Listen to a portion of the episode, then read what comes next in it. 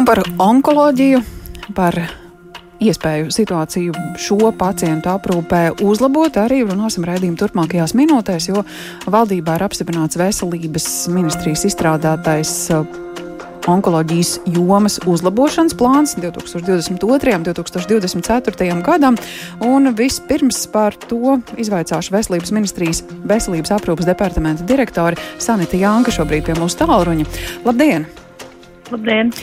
Nu, lasot to informāciju, kas pieejama, izpratne par veselīgu dzīvesveidu, skrīnings, agrīna diagnostika, ārstēšana, tās ir tēzes, kas arī agrākajos onkoloģijas jautājumu risināšanas plānos ir iekļautas. Līdz ar to, ar ko tad šis plāns atšķiras no līdzinējiem?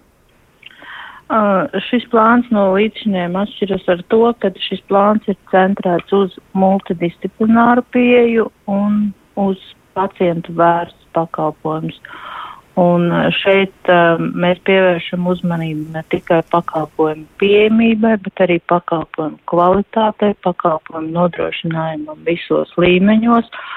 Un, protams, uh, liela daļa, liela uzmanība ir vērsta tieši uz datiem, uz vēža reģistra izveidi, jo, kā zināms, Latvijā šo te uh, datu par onkoloģiskiem pacientiem. Viņi ir, bet viņi ir sadrumstaloti un tiek veidots moderns vēža reģistrs, kur būs pieejami dati no pašiem sākumiem. Tur būs gan skrīninga dati, gan ārstēšanas dati, gan arī kādi medikamenti saņemti. Uh, uh, un uh, būs pieejami arī visi dati, teiksim, par, nu, par pacientu pirms uh, uh, viņš ir, ir saslims ar šo mm. saslimšanu. Un droši vien, kad uh, at, atšķirībā no pārējiem plāniem, tātad mēs pievēršam lielu uzmanību tiem pacientiem, kuriem ir jau bijusi diagnosticēta onkoloģiska saslimšana un uh, šī saslimšana ir sakārtojusies, atkārtojusies. Tas nozīmē, lai viņiem nebūtu jāgaida pusgads rindā uz izmeklējumiem, lai apstiprinātu šo te recidīvu, tātad viņiem būs arī ārpus kārtas šie te pakalpojumi. Protams, medikamenti, mm -hmm. inovatīvie medikamenti un lēnā garā virzamies uz personalizēto medicīnu. Um, izklausās ļoti labi un ļoti cerīgi. Um, jautājums, cik liels finansējums šai plānā šiem jautājumiem ir paredzēts? Inovatīvie medikamenti, ārstēšana, ātra pieeja recidīva izmeklēšanai, nu, tas noteikti ir tas, kas pacientiem ir nepieciešams, vai to varēs nodrošināt? Lai visus plānā paredzētos pasākumus mēs varētu nodrošināt, nākošajam gadam mums vajag 98 miljonus papildus esošam budžetam, jo uh, Nu, šī onkoloģisko pacientu ārstēšana ir visā pasaulē uzlabojusies, viņi ir gājuši uz priekšu un, un uzlabojuši šo te pacientu dzīvi ilgi, un šie pacienti dzīvo ilgāk un kvalitatīvāk, un līdz ar to, nu, mm, ir nepieciešams arī šīs te ķīmijterapijas, kur, nu, pacienti saņem ilgāk un, un, ja iepriekšējos gados daudzos gadījumos pacientiem šī ķīmijterapija netika dota, tad tagad tā tiek nodrošināta ilgāk. Šī ir summa, par kuru ir uh, droši, ka tāda tiks arī piešķirta? Nu, šī ir tā summa, ko mēs budžetā pieprasīsim. Un, uh, onkoloģija ir viena no veselības ministrijas prioritātēm, viena no prioritātēm numur viens. Un um, šādu summu mēs budžetā pieprasīsim. Nu, jautājums, cik mums piešķir šī finansējuma, bet katrā gadījumā ar šādu pieprasījumu uz nākamā gada budžetu un uz nākamajiem trijiem gadiem veselības ministrija virzīsies. Mhm. Paldies par šo informāciju Veselības ministrijas veselības aprūpas departamenta direktorai Sanitai Jankai un sarunāšos arī ar Latvijas onkoloģijas pacientu organizāciju apvienības Onko alianse vadītāju Alga Valciņa ir pie mūsu tālruņa. Uh, labdien! Labdien! Nu, kā jūs vērtējat šo izstrādāto plānu un, un tās izredzes to pieredzēt arī dzīvē, ne tikai uz papīra? Pirmkārt, es gribu pateikt, šī gadījumā ministrijai paldies par to, ka šāds plāns tapa tādā izskatā, kādā, kādā tas ir bijis. Jo pirmo reizi mēs sēdējām tik plaši pārstāvētas pacientu organizācijas, ārstu organizācijas, slimnīcas, industrijas pārstāvi, ministrijas, visas iestādes pie viena galda, un tajās domnīcās daudz un dikti runājām. Tur gāja augstos toņos, viens otram teicām, ka tu neko nesaproti. Un beidzot mēs esam nonākuši līdz vajadzību aprakstam, mēs esam izanalizējuši pa punktiem, pēc tam vēl ministrijas cilvēki kopā uh, analizē visus tos sarunu ierakstus un datus. Mēs esam nonākuši pie dokumenta, kur ir vajadzības, kas ietver, uh, kas ietver visos līmeņos, gan to, kā jūtamies pacienti, gan ārsti redz, ko, to, kas gadiem nav bijis.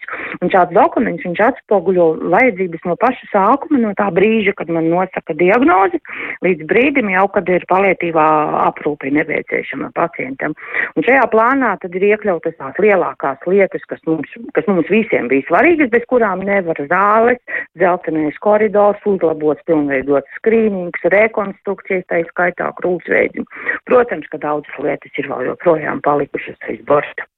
Mēs gribam skaidrus un precīzus un izmērāmus kvalitātes kritērijus visos darba posmos.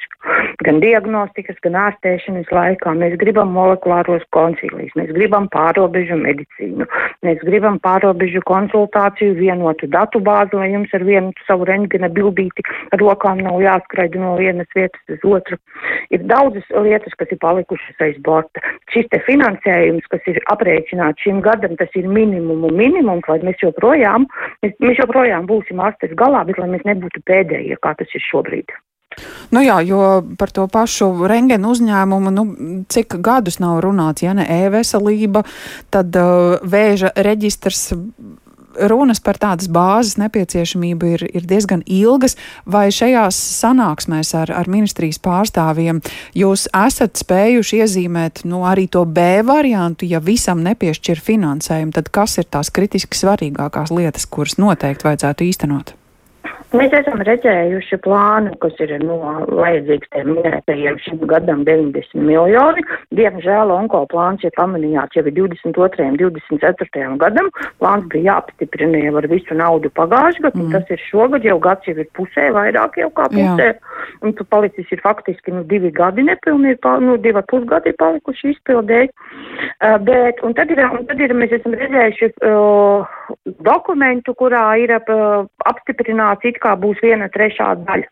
Un tad gāja runa, ka tās varētu būt daļa no zālēm, dzeltenais koridors, uzlabots skrīnings, bet, bet tādā gadījumā, ja mēs saņemam tikai šo trešo daļu no onkoloģijai vajadzīgajām finansējuma kopējā aprēķina, tad es varu pilnīgi droši varu teikt, ka mēs joprojām paliksim ārte Eiropas Savienībā.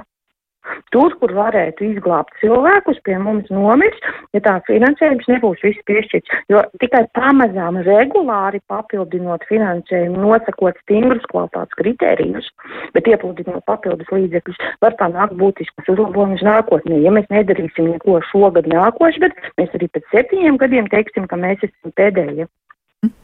Un uh, par šo plānu, par, par, par rīcības nepieciešamību, kā jūs minējāt, vienlīdz uh, vienota izpratne ir ne tikai ministrijas ierēģiem, arī slimnīcām, arī farmācijas pārstāvjiem.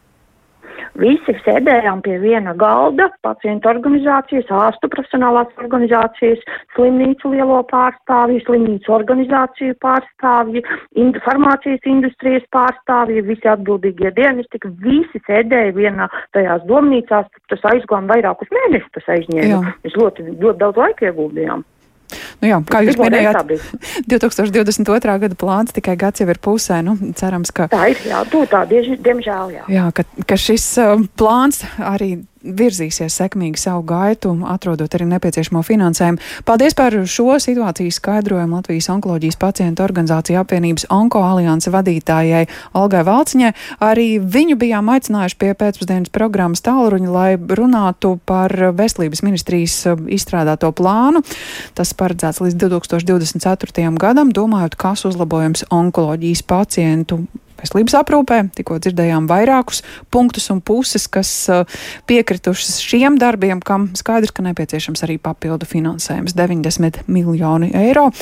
Droši vien, ka tas būs nākamais jautājums, par ko arī ministrijas pārstāvjiem nāksies runāt.